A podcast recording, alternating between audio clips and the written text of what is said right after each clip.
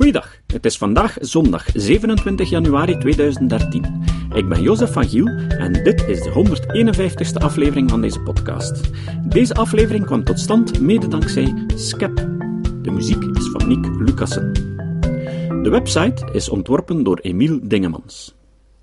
In november en december 2012 organiseerde de vereniging SCEP in Gent samen met de humanistische vrijzinnige beweging vijf gespreksavonden onder de noemer Het Denkgelag. Vandaag horen jullie het tweede deel van de vijfde en laatste gespreksavond. En die ging over vrije wil. Hier komt het. We all have this very strong belief that we have conscious free will. And it's a central part of our idea of ourselves as individuals that we can want to do something, we can have an intention to do something, and then we can do it. We can make our intention drive our actions. And Benjamin Libet's work was one of the few experiments which made a, a truly innovative and courageous attempt to address that question. Mm, can't feel it being cold. Patrick Haggard's team are going to measure my brain activity in the run up to a conscious decision, with electrodes placed on my scalp. Okay, Susan, you're Hi, all hi. hello. You're all wired up and ready to go. Absolutely. We're going to record from your left motor cortex, mm-hmm. your right motor cortex, and from the midline. Mm-hmm. I want you to watch the clock hand, which is mm-hmm. rotating in this small clock in the center of the screen. And then, at any time that you choose, when you intend and will to, I want you to press either this key or this key. Let's as the urge- As the urge takes you. Fine, okay. And then the computer will prompt you to type in the position of the clock hand at which you first felt the conscious will Fine. to press the button. Good. Any questions? No. Off we go. It's very funny waiting for the urge, isn't it? So, watching the clock, I record the exact time that I make the decision to act, while the electrodes on my head monitor the activity in my brain leading up to this decision.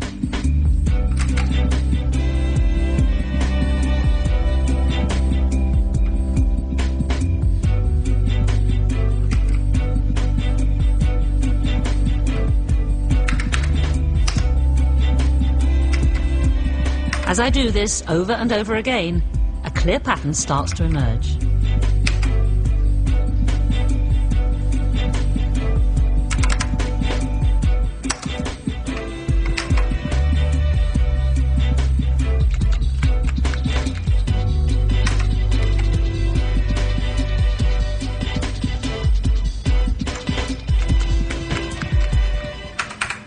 So here are our results, which contain the same basic effect as Libet originally found.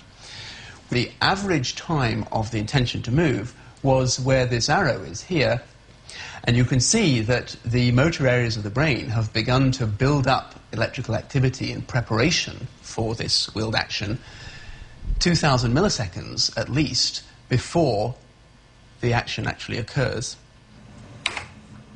Just as in Libet's original work, this experiment seems to show that my brain begins to prepare for movement long before I felt like I had consciously decided to move. So, did I have any real choice about when I moved? Could the feeling of having made a decision just be an illusion? So this looks like a real problem for our idea of conscious free will because our assumption that we work with every day, I think, is that we decide what we want to do and then, or I should say, I decide what I want to do and then I am able to uh, get my brain to drive my body to make it happen. Ja, het interessante is wel dat eh, hier in dit filmpje wordt gesproken he- eh, over het concept conscious free will. Hier wordt dus duidelijk aangetoond dat een, een beslissing die het bewustzijn denkt te nemen, in feite al voorbereid is door het brein. Wat, wat kunnen we daaruit besluiten? Want het zijn beroemde experimenten. dat niets, eh, geen enkele beslissing zomaar uit de lucht valt. Mhm. En dat er altijd een kausaal netwerk nodig is om een bepaalde beslissing te veroorzaken. Ook al hebben wij intuïtief een heel ander idee. Als wij s morgens opstaan, wij, ik, Jan, beslist om de koffie klaar te zetten, om het ontbijt klaar te maken. En je denkt van, oh, ik ben hier gewoon de motor van heel het eh, spel dat aan de hang is. Mhm. Maar al die beslissingen zijn al lange tijd, acht, negen seconden, afhankelijk van welke soort beslissingen dat je neemt, Mhm. reeds geprogrammeerd in je brein. Anders, ik, ik, ik schrik daar niet van. Ik denk, de Libet-experimenten zijn gewoon zo vanzelfsprekend van iemand die gewoon gelooft dat de werkelijkheid een kluit materie is die moet veroorzaakt worden, inclusief onze eigen beslissingen. Mhm. Doen ze iets met jouw wereldbeeld, de Libet-experimenten, Dirk? Nee, nee ik heb, ik heb eh, daar les over gekregen van Farah.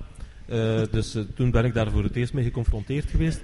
Eh, maar als ik daar intussen wat over gelezen heb, Mhm. dan, ehm, en dat heb ik daarnet uit, uitgedrukt, in die korte termijn beslissingen die moeten genomen worden. Ik zou bijna zeggen, het onmiddellijk moet een, beslissing nemen eh, om een of andere weg in te slaan.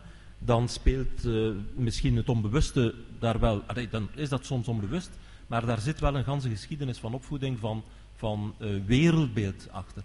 Die dus eigenlijk ook mee maken dat je op voorhand dat al doet. Mhm. Ik zeg niet dat dat de exacte uitleg is, maar ik denk dat dat een veel sterkere hypothese is dan te stellen dat elke beslissing eigenlijk al op voorhand geprogrammeerd is. Maar waarom zou dat anders zijn bij lange termijn beslissingen? Wat zou er dan plots anders zijn dan dit soort van preprogrammatie, uw brein dat allerlei processen doorloopt om je uiteindelijk die beslissing te geven? Wat verwacht je bij een lange beslissing dat niet zou gelijklopen met een Ja, korte termijn beslissing? Ik vind dat er geen verschil is tussen lange en eh, korte termijn beslissingen. Alleen vind ik het bij lange termijn Mhm. beslissingen nog veel eenvoudiger om te stellen dat er dus eigenlijk eh, wel degelijk sprake is van een Ja. vrije wil. Gewoon omwille van het feit dat je dus natuurlijk veel eh, langer op voorhand kunt plannen en, en zeggen ik ga dus in die richting uiteindelijk gaan. Ik zal bijvoorbeeld huwen met die persoon en ik zal dat uiteindelijk eh, dan ook doen. Maar er zijn natuurlijk ook gevallen gekend, zelfs van mensen die net voordat ze ja zeggen, eh, nee zeggen. Hè. Of, of weglopen. Hè. Ja, maar ja, Zou ook je niet, nog- niet uit vrije wil.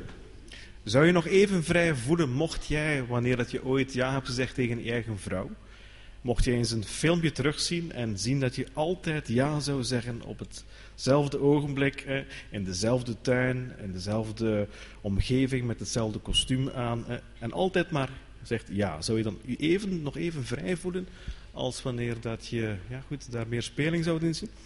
Nee, maar, eh, je vertrekt van een verkeerde premisse natuurlijk. je moet vertrekken eigenlijk van de premisse of dat ten eerste je keuzemogelijkheden hebt.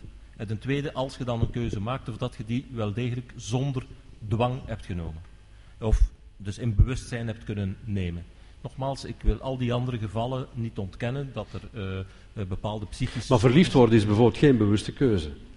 Daar nee, begint natuurlijk niet. Natuurlijk niet eh, maar daar- eh, maar eh, huwen wel. Hè.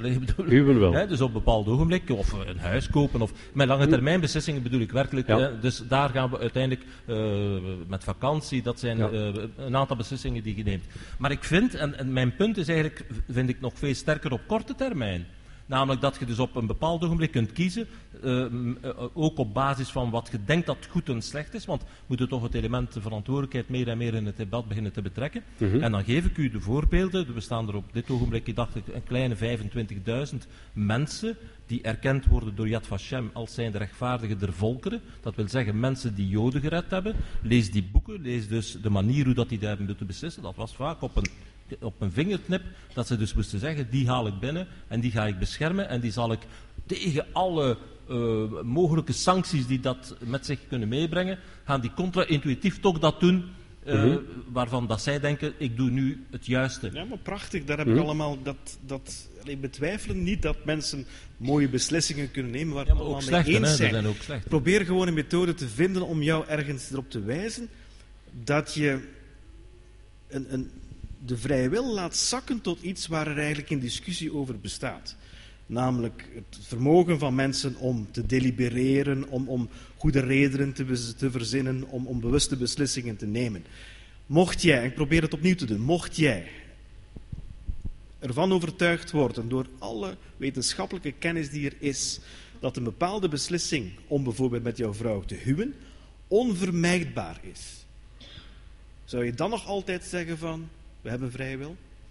Ja, maar dan moet je mij dat kunnen bewijzen. Ik vrees dat dat Ja, maar goed, we betalen, we betalen een heel, eh, we betalen horden wetenschappers die de bedoeling hebben om al die causale factoren die tot beslissingen leiden, psychologen hebben er genoeg, hè, die dat proberen te doen. Te veel. Ja, maar daar, kijk, ja, maar nu komen we tot een zeer interessant punt. En, eh, Hoop ik? Nee, nee, nu komen we tot een zeer interessant punt. Ik heb de indruk dat ganse discussie inderdaad de laatste jaren enorm aan het opkomen is. Maar dat die voor een deel, en misschien eh, mijn gebuur, ik ben benieuwd wat hij daar gaat over zeggen, dat men steeds meer en meer aan het zoeken is naar elementen om de verantwoordelijkheid van mensen weg te kunnen nemen. Dus dat betekent dat men meer en meer begint te zoeken ook naar medicalisering van het gedrag van mensen. Ik geef een voorbeeld. Er zijn voor eh, zeker advocaten zijn daar natuurlijk heel sterk in. Trouwens, is ook hun, doel natuurlijk en hun, eh, allee, hun opdracht om hun cliënt zo goed mogelijk te, te, te, te beschermen en te verdedigen. Maar nu dan gaan die zeggen, ja, mijn, dat, dat, die, mijn cliënt dat is geen dief, hè, dat is een kleptomaan. En als je dus zo verder gaat, dan kun je dus altijd maar nieuwe stoornissen vinden, waardoor dat je op den duur inderdaad kunt zeggen, er bestaat geen vrije wil meer. En ik heb de indruk dat die tendens bezig Ja. is. En ik ga je u één voorbeeld Ja. geven van het feit dat dat Dus bezig is. het- Binnen, wacht, wacht, wacht, ik ga eens mijn redenering afmaken. Binnenkort, en Maarten Boeder heeft er al een stuk over geschreven, ik geloof in april of in de maand mei, komt het nieuwe handboek uit van de psychiatrie uit de Verenigde Staten dat wereldwijd geldt als Mhm. zijnde het handboek waar alle psychiatrische gevallen in beschreven staan en waar dat dus mensen kunnen eh, aan leiden. Het vorige werk was van 1994, nu hebben we het nieuwe werk. Er komen 150 nieuwe psychiatrische stoornissen bij. Denk het nu kan Ik het aantal nee. diagnoses blijft gelijk. Nee, nee, maar dat kan zijn, dat kan zijn, dat, er zullen zeker en vast zulke mensen zijn die aan een en ander lijden, maar ik heb zo'n keer zitten eh, al zoeken op de Amerikaanse websites waar dat er een nieuw gaat bijkomen. Ik moet zeggen dat ik aan bijna alles leid. Eh, wat daarin eh, beschreven staat, behalve aan telefonische scatologie. Dat is dus obsceniteiten via de telefoon. eh, dus, doen. Maar bijvoorbeeld frotteurisme, dat vind ik wel een interessante, dat is een nieuwe. En nog chance dat ik nu niet naast Vara zit, want dat is dus gedurende een periode van tenminste zes maanden recidiverende, intense seksuele opwindende fantasieën hebben, eh, die dus zonder instemming anderen aanraken en wrijven, eh, dat dat met zich meebrengt. Dat, is, dat wordt een nieuwe F65-8. Dus voor mensen die eh, bepaalde plannen hebben, als je een advocaat wilt eh, al onmiddellijk interpelleren, kunt zeggen F65-8, daar leid ik aan. Ik wil dat, ja, het is natuurlijk een beetje om te lachen, want ik kan er zo'n ganse serie opzommen, het is echt heel, heel grappig. Maar eh, er zit natuurlijk... eh, eh, nog, Nog eentje. Allee, ik zal er nog eentje. Zal, allee, nog een, bijvoorbeeld. Wat heel grappig is, je hebt dus de antisociale of dissociale persoonlijkheidsstoornis. Is een stoornis die wordt gekenmerkt door antisociaal en impulsief gedrag. En zo heb je er nog een ganse pak. Maar het eigenaardige is dat je er dan ook een hebt. De persoonlijkheidsstoornis niet anderszins omschreven. Dat is dus een dergelijke diagnose betekent in feite dat er geen diagnose kan gesteld worden voor een van de bekende stoornissen, maar dat er wel trekken van twee of meer persoonlijkheidsstoornissen aanwezig zijn waarvan er niet kan worden voldaan aan die andere criteria. Ja, maar dan, dan, dan kun je inderdaad zeggen, er bestaat geen vrije wil meer. Dus met andere woorden, eh, eh, en nu even ernstig waar ik eigenlijk wil toe komen, dat is dat we stilaan in een maatschappij aan het komen zijn, dat mensen niet langer meer zeggen, ik ga, moet mijn verantwoordelijkheid nemen en ik moet dat doen omdat het dat het juiste is en dat is, eh, het slechte is, maar dat men dus altijd maar gaat zeggen, ja, ik ben eigenlijk, dat is mijn eigen wil niet, ik ben een keer gokverslaafd, jongen, en ik, ik steek ik alles in brand en kan niet van de vrouwen blijven. En, eh, allee, dat Ja. is, maar dat, zit, dat is niet aan mij. Even. Ferry, Ferry, zitten we in die beweging? Voel jij die tendens? Zitten we daarin? Ik voel een bepaalde actie-readiness, of heet dat? Actiebereidheidspotentiaal opvuren. Hoe zeg Ehm, je wat? Hoe zeg, want, Nee, even, het was een, was een associatie die de, de, de Libet-experiment bij me Mhm. opriep. Ehm, ik deelde ehm, het, het, het vertoog van, van Dirk dat de medicalisering grote, groteske bijna vormen aanneemt. En ehm, dat voor iedere, ook minimale afwijking, of soms hele serieuze afwijkingen waarschijnlijk, maar eh, een etiketje beschikbaar moet zijn. En in die nieuwe, dat nieuwe handboek, eh, ja, dat, dat inderdaad eh, erg uit. Wat ik niet helemaal, waar ik niet van overtuigd ben, is dat dat betekent, of dat dat erop zou wijzen dat de verantwoordelijkheid van mensen minder wordt, of dat de vrije wil navenant minder zou bestaan, als die al bestaat. Ehm, ik zie het misschien eerder andersom, of ben eerder geneigd andersom te zien, dat Ehm, wat mij altijd zo frappeert in ieder geval, als het gaat om het begrip verantwoordelijkheid, en zeker als het in strafrechtelijke contraien wordt getrokken, is dat er een grote nou ja, ambivalentie gaat in het denken daarover. Aan de ene kant een debat over bestaat de vrije wil wel, en is die vrije wil nodig voor moreel ehm, eh, legitiem handelen. En daar wordt sterk aan getwijfeld. Aan die stoelpoten wordt gezaagd door ehm, eh, neurowetenschappers en anderen. Uh, andere kant ehm, heb je, heb je een, een, een fixe discussie, over... Uh, straffen wij niet veel te licht en um, moeten we niet de doodstraf herinvoeren? Dat zal natuurlijk lang niet iedereen vinden, gelukkig. En ook lang niet iedereen vindt dat er te laag gestraft wordt, maar heel veel mensen vinden dat wel. En al decennia lang. En er is een grote roep waarneembaar die inhoudt dat uh, nou, vaker, sneller, harder gestraft zou moeten worden. Oftewel minder uh, mensen eerder schuldig en uh, een straf opgelegd moeten krijgen, -hmm. schuldig moeten worden bevonden en dus verantwoordelijk moeten worden gehouden. dus er zijn een soort van twee divergerende um, bewegingen aan de gang op dat punt. En die medicalisering die zit er volgens mij een beetje tussenin. Die je kunt zeggen, ja, als je kunt als je je zou kunnen verschuilen achter een of ander um, uh, labeltje dat in die DSM, in dat handboek uh, genoemd wordt, dan ontslaat je dat in zoverre van een bepaalde verantwoordelijkheid, want je hebt nou enkel die aandoening. Maar ik denk toch, ja, ook al heb je een aandoening, je kunt ook zeggen, je bent misschien wel verantwoordelijk voor het feit dat je die aandoening... Als je een aandoening hebt, wil het niet zeggen dat je dus een vrijbrief hebt om, om dat, zou maar zeggen, uit te venten en, en in bepaald ongewenst gedrag te laten ontraden. Het is in ieder geval niet zonder meer um, een, een, diagnosticering overeenkomstig een of andere label in zo'n handboek is in ieder geval niet zonder meer iets wat bij de rechter meteen succes ja. heeft. Voor ik naar Farah en, en, Jan ga, als u, als u vragen wilt opkomen, straks uh, kunt u vragen stellen, er komt een microfoon rond. Maar ook bierkaartjes. U kunt gewoon, als u een vraag hebt, die vraag op een bierkaartje schrijven. Dat bierkaartje naar hier, naar de central desk uh, laten uh, evolueren, zal ik maar zeggen. En dan gaat uh, Maarten en Pieter ervoor zorgen dat uw vragen geprojecteerd worden op het scherm. Dus dan kan iedereen goed zien welke vragen er zoal gesteld worden en dan kunnen we die met het panel behandelen. Uh, terwijl uh, Maarten en Pieter de, de bierkaartjes ronddelen.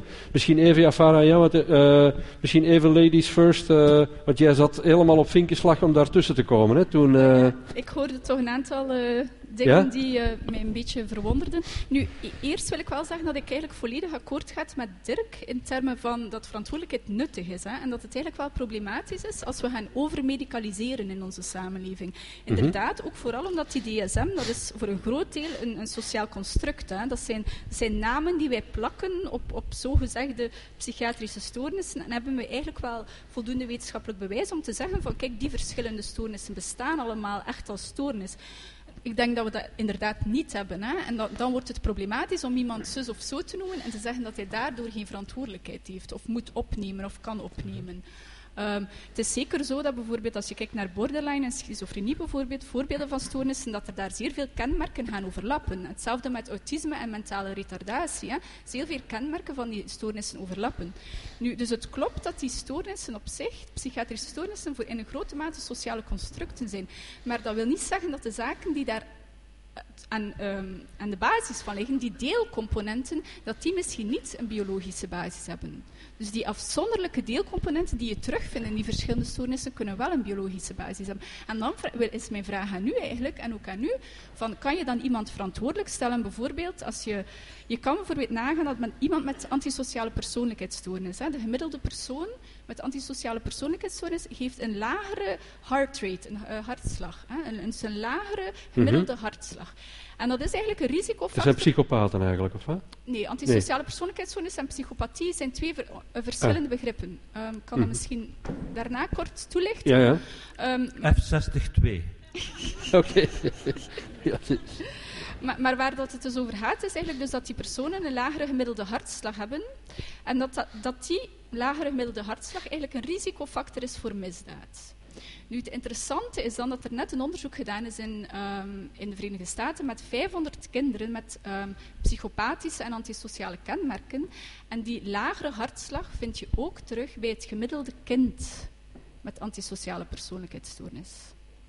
Dus ja, dat ja? kind geeft eigenlijk al een risicofactor voor crimineel gedrag. Nu, dan is de vraag, hoe komt het kind hè, aan die risicofactor? En is een kind verantwoordelijk voor het hebben van die lagere hartslag die meer aanleiding heeft of meer de neiging heeft tot misdadig gedrag? Maar ja, dat lijkt... Pff. Uh, nee, ja. het antwoord is ja. zeer simpel. Nee, ja. natuurlijk niet. Zeker niet als het een kind is. Een kind dat nog moet opgevoed worden, dat nog moet uh, een en ander leren. En ten tweede, ik heb daarnet ook niet gezegd dat dergelijke zaken niet bestaan. Er bestaan natuurlijk eh, psychische, Nee, dat dat ik bestaan psychische beweren. stoornissen, maar mijn, mijn enige vrees, en dat is hetgeen dat ik wil uitdrukken, en dat is ook de hele discussie over de vrije wil, begin ik meer en meer in die richting te zien gaan, is er een van, allee, nu ga ik het wat cru stellen, het afschuiven van verantwoordelijkheid. Mhm. Het zeggen van, ja, kunt er niet aan doen, want hij bezit, eh, eh, hij heeft F60 eh, Ja. 23, allee, ik zeg maar iets. Dus Ja. dat is hetgeen dat ik aan het Ik- voel, aanvoelen ben, Ja. dat er aan het gebeuren is in Ik deze kom even naar. Jan. Hoe voel, ja, kun je je daar iets bij voorstellen dat, eh, dat Dirk, eh, en, en hij zal zeker niet de enige zijn, dat gevoel heeft Mensen, mensen worden altijd boos als ik zeg van ik geloof niet in verantwoordelijkheid. En een stuk boosheid komt omdat ze denken dat ik dan ook tegen verantwoordelijkheden ben. Ik denk je moet onderscheid maken tussen verantwoordelijkheden in de betekenis van plichten. Eh, jij hebt de plicht om een goede moderator te zijn, wij hebben de plicht om, eh, om goede gasten te zijn. Hetzelfde geldt voor de zaal. Dat zijn zaken die allemaal niet verdwijnen als verantwoordelijkheid zou verdwijnen omdat er geen vrije wil bestaat. Laat dat duidelijk zijn. Wat, het enige wat verdwijnt is dat je mensen niet langer de schuld geeft. Maar je kan perfect zeggen van, eh beste Joël, hè, eh, ik vind toch dat je wat beter je best zou kunnen gedaan hebben. Maar ik geef jou de schuld ervoor. Zo zat je blijkbaar in elkaar. Ik ga alleen proberen door die opmerking een beetje jouw causaal netwerk te beïnvloeden, zodat de volgende keer misschien jij beter gaat gaan presteren. Dus je kan, je kan, ik denk, door, door niet te geloven in vrije wil, door niet te geloven in verantwoordelijkheid, verandert, als je er goed over nadenkt, zelfs helemaal niet zoveel. En het zou zelfs positiever kunnen uitdraaien. Want Dirk neemt een beetje het gebrek aan verantwoordelijkheid in onze maatschappij, eh eh, bekritiseert dat. Mhm. Maar ik erger mij soms blauw, en erger is eigenlijk een contradictorische term, maar ik erger mij soms blauw aan het, de mate van verwijten, beschuldigingen die mensen constant voor elkaar in petto hebben. En ik denk soms van, misschien is het juist beter om wat meer eh, of, of, of wat minder te gaan zeggen van, jij bent daar verantwoordelijk voor in de betekenis van, jij bent daar schuldig voor. Denk gewoon eens eventjes na hoe dat je een situatie het best aanpakt. En probeer dat dan met de middelen die jou eigen zijn ook het beste gaan doen. Dus Mhm. je, kan het verhaal, je kan het verhaal van Dirk, denk ik, ook Omdraaien. omdraaien. En zeggen Mhm. van misschien een meer relaxte samenleving zal juist een samenleving zijn die stopt om met elkaar constant te zeggen van ik verwijt jou dat, ik beschuldig jou daarvan, zonder te zeggen dat je geen bepaalde normen afspreekt en geen plichten afspreekt. Mhm. Ik probeer toch nog altijd te zoeken naar. Dus jij zegt, ik, ik, ik toch nog even vragen om dat scherp te stellen. Hè. Ehm, wat als jij zegt, onze vrije wil bestaat niet, we hebben geen vrije wil, wat verdwijnt er dan juist uit ons wereldbeeld? Wat neem jij nu weg uit ons wereldbeeld? Ik ga jouw dingen niet langer schuldig gaan nemen. Mhm. Ik ga zeggen van, eh, oké, je hebt dat zo gedaan. Het moet zijn dat jij zo in elkaar zat. Mhm. Je had daar geen controle over. Wat ook de reden daarvan is, dat kan een biologische oorzaak zijn, een genetische, maar ook gewoon een psychologische of een communicatieve oorzaak. Ik ga geen, geen voorkeur gaan uitspreken voor bepaalde biologische oorzaken. Maar ik had geen keuze. Maar ik ga proberen te zeggen, hoe kan ik, ik ga me afvragen van, hoe kan ik nu, Joël, wijsmaken dat ik het toch liever heb op een andere manier, een manier die meer aan een bepaalde plicht beantwoordt. En ik ga dan proberen dat tegen jou te zeggen, dat je een bepaalde fout hebt begaan, is perfect mogelijk in een wereld zonder vrije wil en verantwoordelijkheid, schuldverantwoordelijkheid. Zeggen Mhm. van, je was fout, je hebt dat niet goed gedaan. Mhm. En ik ga dat op een heel kalme, niet verwijtende manier aan jou meedelen, hopende dat dit een bepaald effect op jou heeft.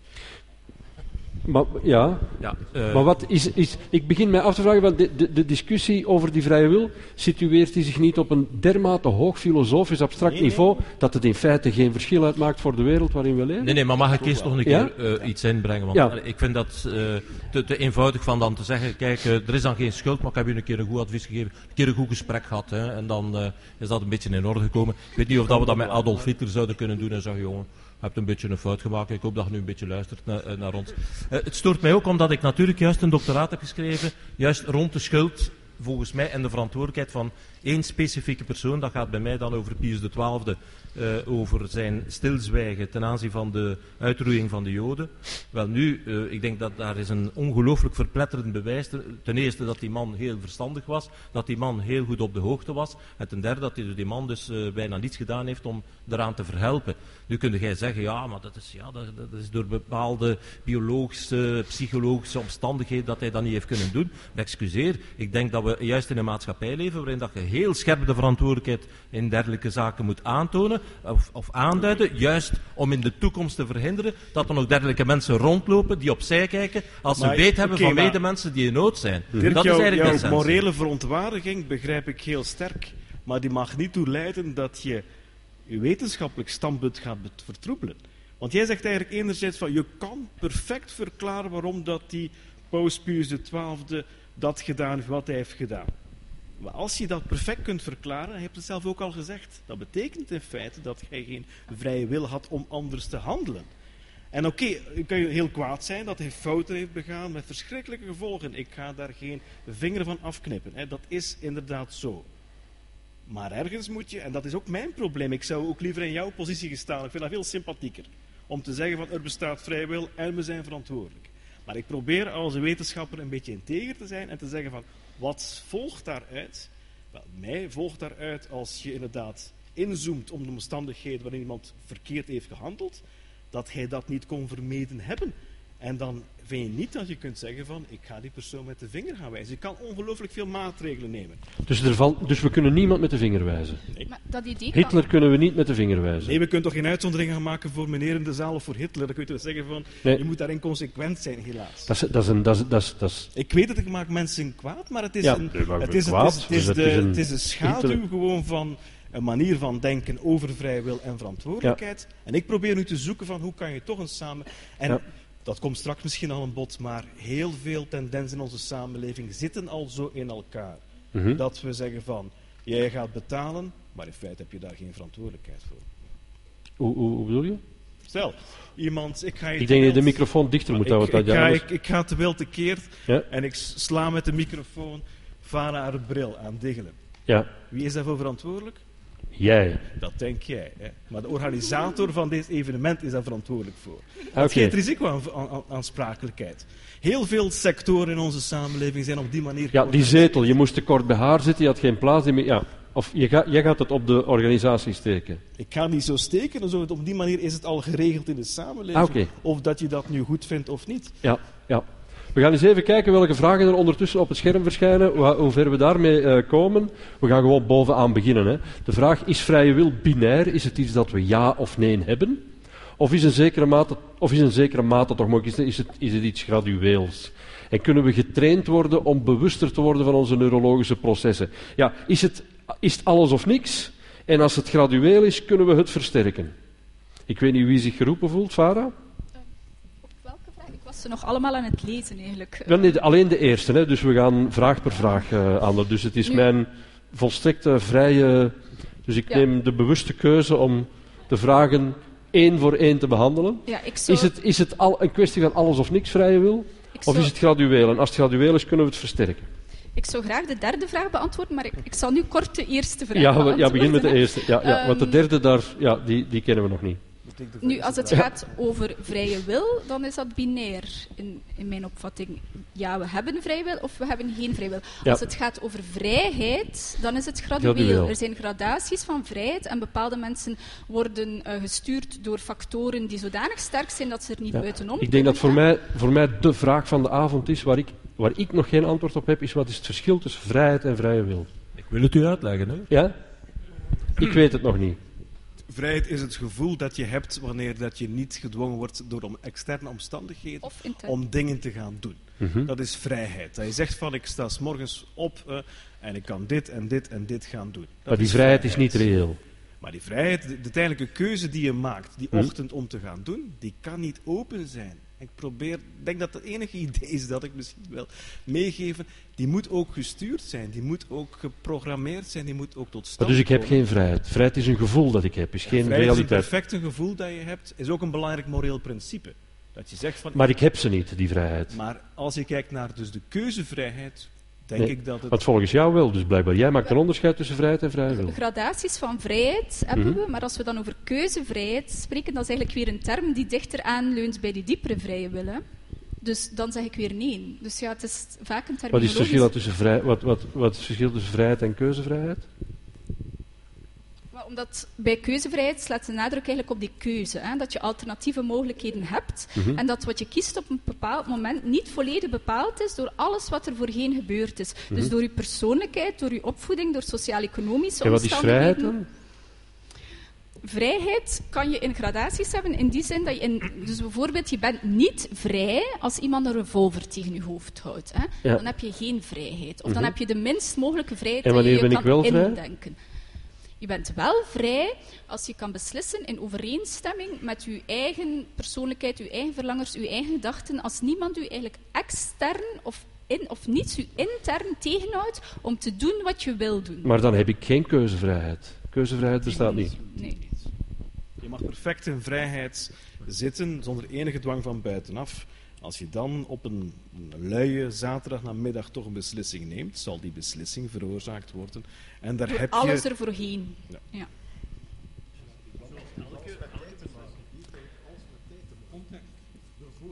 Ja, maar wacht, zo kunnen mensen Ja, niet volgen. We, we, gaan, ja, we, moeten het, eh, we moeten een beetje. Ja, maar ik, ik, pro- ik probeer. Ik ben eh, niet intelligent Misschien- genoeg voor ja, deze avond. Ja, oké, dat, Ik, dat is... ik ken niet.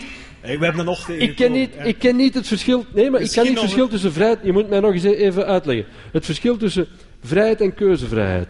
Dus hoe kan ik vrijheid hebben als ik geen keuzevrijheid heb? Omdat een deel van eh, de dingen die jou zouden sturen Mhm. in jouw beslissing Mhm. weggevallen zijn. Je hoeft geen rekening te houden op die luie namiddag met je baas die zou kunnen bellen naar jou. Je hoeft geen rekening te houden met je kinderen die, eh, die je allerlei vragen stellen.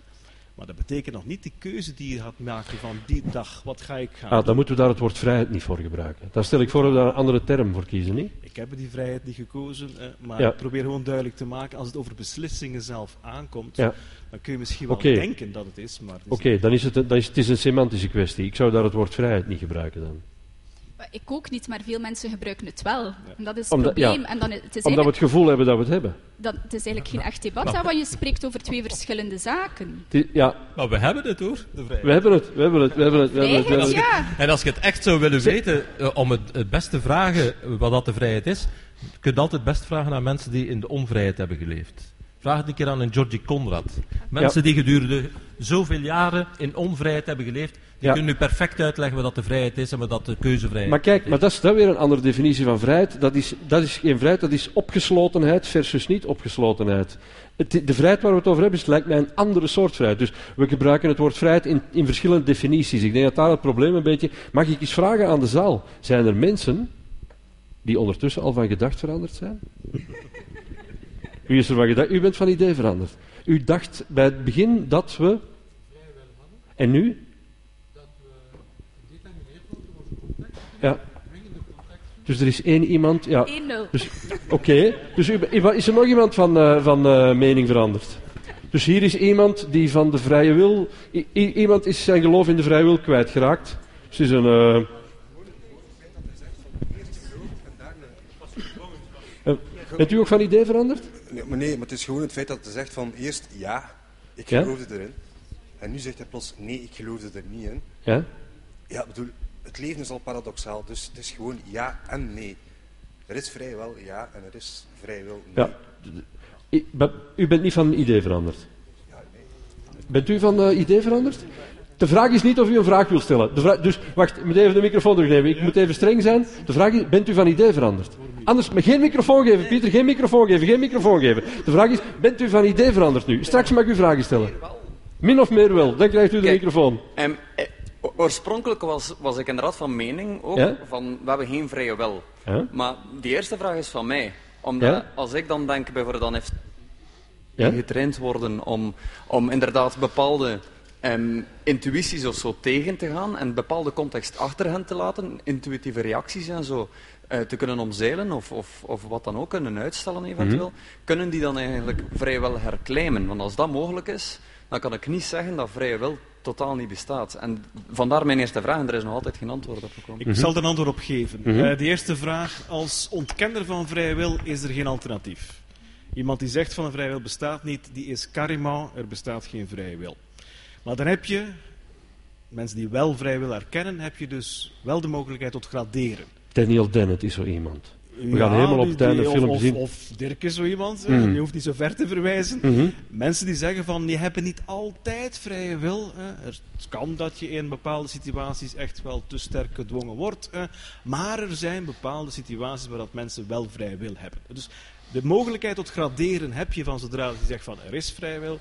Je hebt geen mogelijkheid tot graderen als je zegt van er is geen vrije wil. En mensen die ze graderen kunnen zeggen van één bepaald neuron, eh, dat is niet gebonden aan het causale netwerk en dat kan vrij gaan doen wat Mhm. het doet. en dan kunnen we zeggen van Roland Jansen die is vrij om Ja. zich ook niet agressief te gaan. In dat verband hè, een vraag. De natuur werkt volgens het principe oorzaak-gevolg. Ook onze hersenen. Wil iemand mij eens uitleggen volgens welk mechanisme onze hersenen anders zouden werken? Ja, Farah en Jan gaan volledig akkoord met de stelling, dus zullen zich niet geroepen voelen om dat uit te leggen. Dirk, dat moet jij dan doen, hè? Dat is, ik ben geen neurobioloog, hè. Nee. Dat is... eh, Een suggestie? ja, doe- maar, doe maar. Maar, nee, ik wil wel een suggestie doen. Ja. Oké. Eh, Ja, ja, Ferry, wil jij maar een suggestie? Ja? Op het complete gevaar af dat het onzin is.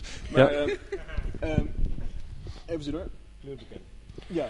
Ja, onze hersenen werken... Ja. mechanisme? Oh, ja.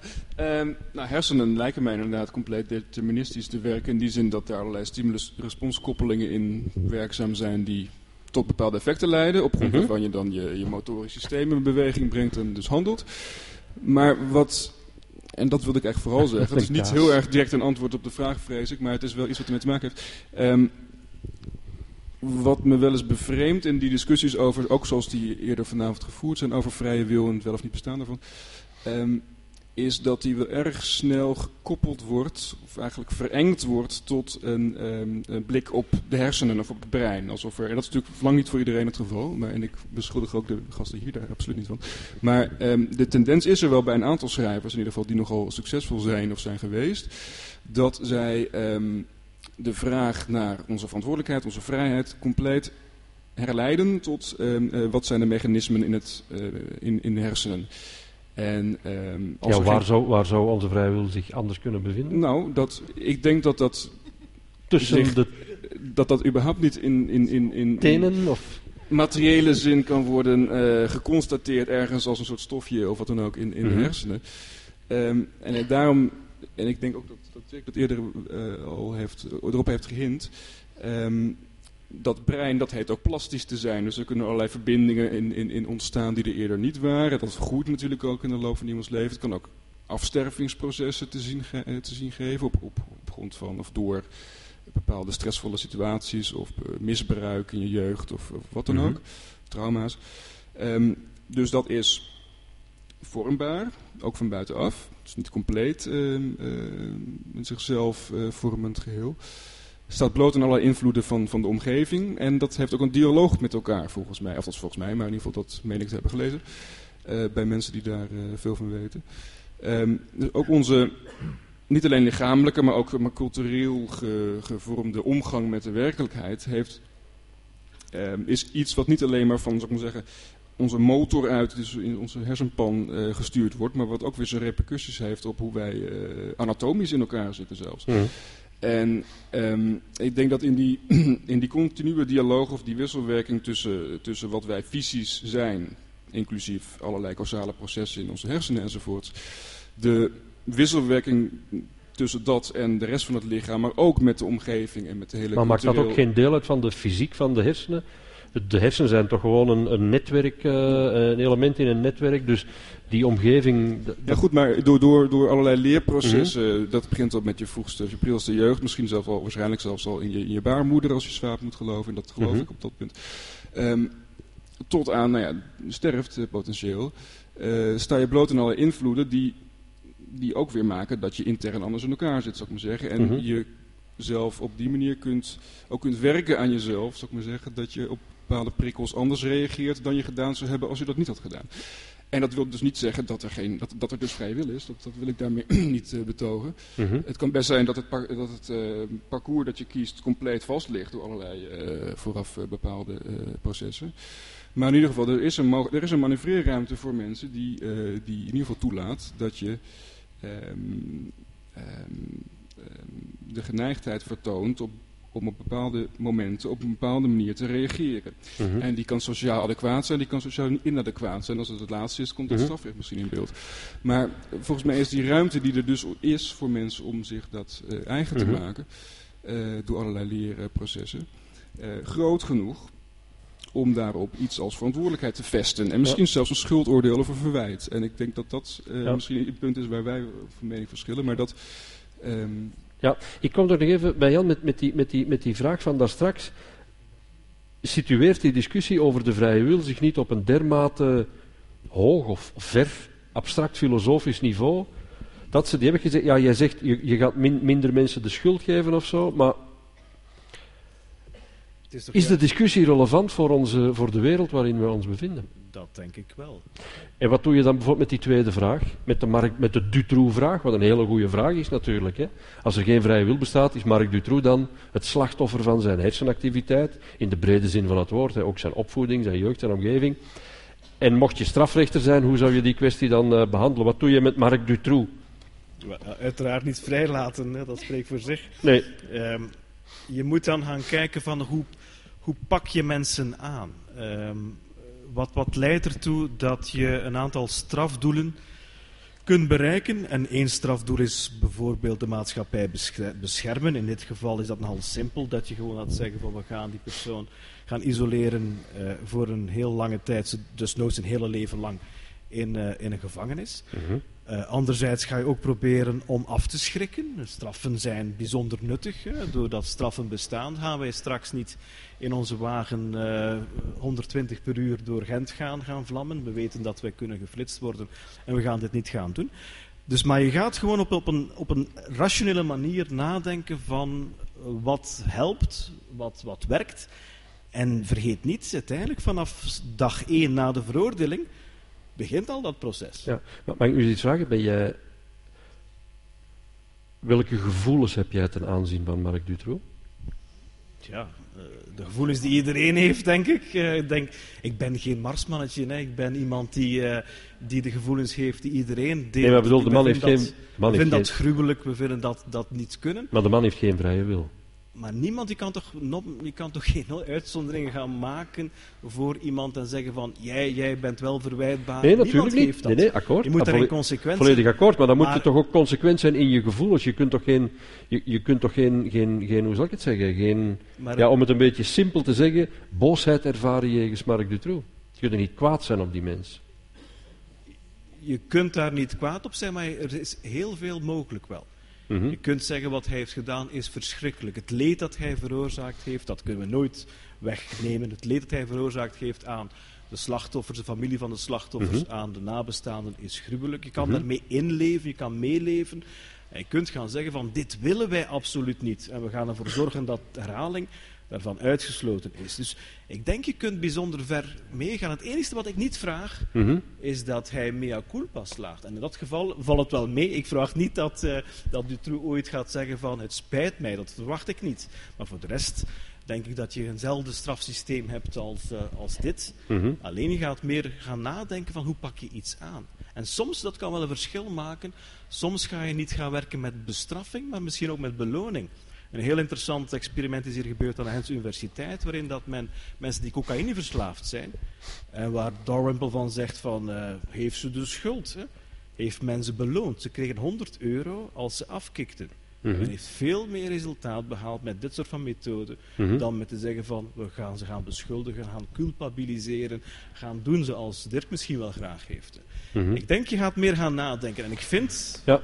En de vraag die daarop volgt is voor Dirk Verhofstadt. Die horen jullie volgende week.